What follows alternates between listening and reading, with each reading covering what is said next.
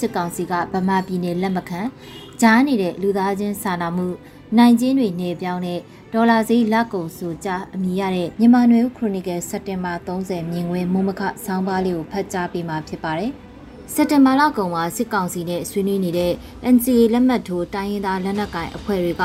သူတို့ဆွေးနွေးနေတဲ့အကြောင်းအရာတချို့ကိုသတင်းဌာနတွေကိုထုတ်ဖော်ပြောဆိုကြပါတယ်။အဓိကအချက်ကတော့ဝါပြည်နယ်နဲ့ မိုင်းလာကိုပိုင်အုပ်ချုပ်ခွင့်ရဒေသသတ်မှတ်ဖို့အရေးကိုစိတ်ဝင်စားကြပါတယ်။ရှမ်းပြည်တိုးတက်ရေးပါတီ SSPP တင်ပြခဲ့တဲ့အမျိုးသားဒန်းတူရေးကိုဖော်ဆောင်နိုင်ဖို့ဗမာပြည်နယ်ဖွဲ့စည်းရေးတင်ပြချက်အပေါ်စစ်ကောင်းဆောင်ကလက်မခံဘူးလို့ငင်းညမ်းရေးဆွေးနွေးပွဲကိုတက်ရောက်ခဲ့တဲ့ SSPP ပြောခွင့်ရဒုတိယဗိုလ်မှူးကြီးဆိုင်းစုကတန်လွင်တိုင်းကိုပြောပါတယ်လို့သတင်းထဲမှာဖတ်လိုက်ရပါတယ်။ လက်ရှိမှာမြန်မာပြည်တွင်းမှာလူသားချင်းစာနာထောက်ထားကူညီမှုဆိုင်ရာနိုင်ငံတကာအဖွဲ့အစည်းတွေရဲ့အကန့်အသတ်ရှိနေတာကိုထောက်ပြကြတဲ့အစီရင်ခံစာတွေသတင်းတွေထွက်လာပါတယ်။စစ်ကောင်စီရဲ့ထိန်းချုပ်ကန့်သတ်မှုတွေကိုမလွန်ဆန်နိုင်တဲ့နိုင်ငံတကာပရဟိတအဖွဲ့အစည်းတွေကတကယ်လိုအပ်တဲ့နေရာတွေကိုမရောက်ရှိနိုင်ဘူးလို့ဆိုကြပါတယ်။ကုလသမဂ္ဂအေဂျင်စီတွေကြက်ချီနီလာချမ်းနီလိုအဖွဲ့အစည်းတွေနဲ့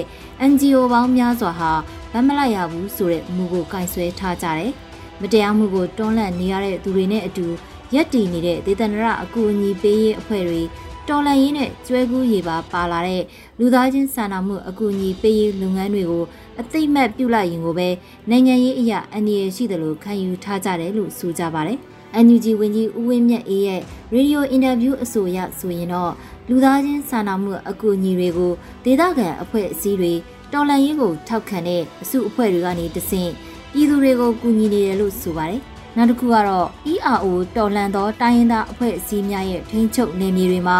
ERO တွေရဲ့ဝိုင်းဝန်းပူးပေါင်းမှုတွေနဲ့လုပ်ကိုင်ရတယ်လို့ဖြေခဲ့ပါတယ်။ဗတ်မလိုက်ပဲကြားနေတဲ့နိုင်ငံတကာအကူအညီပေးအဖွဲ့တွေကတော့အခုထိအလုပ်မဖြစ်သေးဘူးဆိုတဲ့သဘောဖြစ်နေပါတယ်။ဩဂုတ်လကနေစက်တင်ဘာလ26ရက်ထိအင်းစိန်ထောင်ကနေနိုင်ငံရေးအကျဉ်းသား994ဦးကိုနေထောင်တွေကိုပြောင်းရွှေ့ခဲ့တယ်လို့ ຫນွေဦးနိုင်ငံရေးအကျဉ်းသားများကိုကူညီပေးနေတဲ့ Eat My Heart အဖွဲ့ရဲ့အချက်လက်ရသိရပါတယ်။စက်တင်ဘာလ24ရက်တရက်ထဲမှာပဲအမျိုးသမီး90ဦးအပါအဝင်နိုင်ငံရေးအကျဉ်းသားပေါင်း250ကိုတာယာဝတီထောင်ကိုပြောင်းရွှေ့ခဲ့တယ်လို့ BAB သတင်းမှာဖော်ပြထားပါတယ်။ဘူတန်းရွှေစစ်ကောင်းဆောင်အဖြစ်အုပ်ချုပ်နေစဉ်2000ရွှေဝါရောင်အရေးတော်ဝန်ကာလအတွင်းမှာ88မျိုးဆက်ចောင်းသားကောင်းဆောင်များ ရွှေဝါရောင်တန်ဃာတော်များ2000ခွန်မျိုးဆက်ចောင်းသားများကိုဖမ်းဆီးအကျဉ်းချထားခဲ့ပြီးနိုင်ငံရေးအကျဉ်းသားထောင်နဲ့ချီပြီးမိသားစုနဲ့ဝေးရထောင်လေးစီကိုပေးပို့ခဲ့ပါတယ်။အခုချိန်မှာလဲ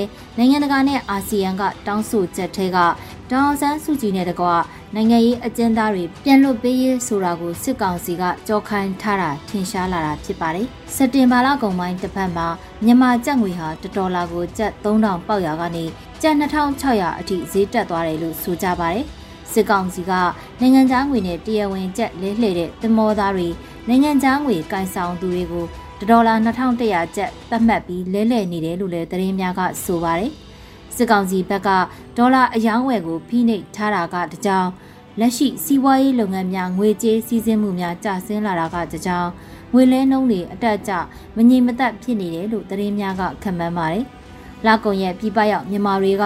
မိသားစုတွေစီနိုင်ငံခြားငွေပို့နေကြအချိန်ဖြစ်တာမို့လဲဒေါ်လာဈေးကျတယ်လို့လည်းပြောကြပါတယ်။အခုဖတ်ကြားပေးခဲ့တာကတော့စစ်ကောင်စီကဗမာပြည်နယ်လက်မခံကြားနေတဲ့လူသားချင်းစာနာမှုနိုင်ကျင်းတွေနေပြောင်းတဲ့ဒေါ်လာဈေးလက်ကုန်စုကြအမိရတဲ့မိုးမခဆောင်းပါဖြစ်ပါတယ်ကျမຫນွေဦးလေးပြေပါ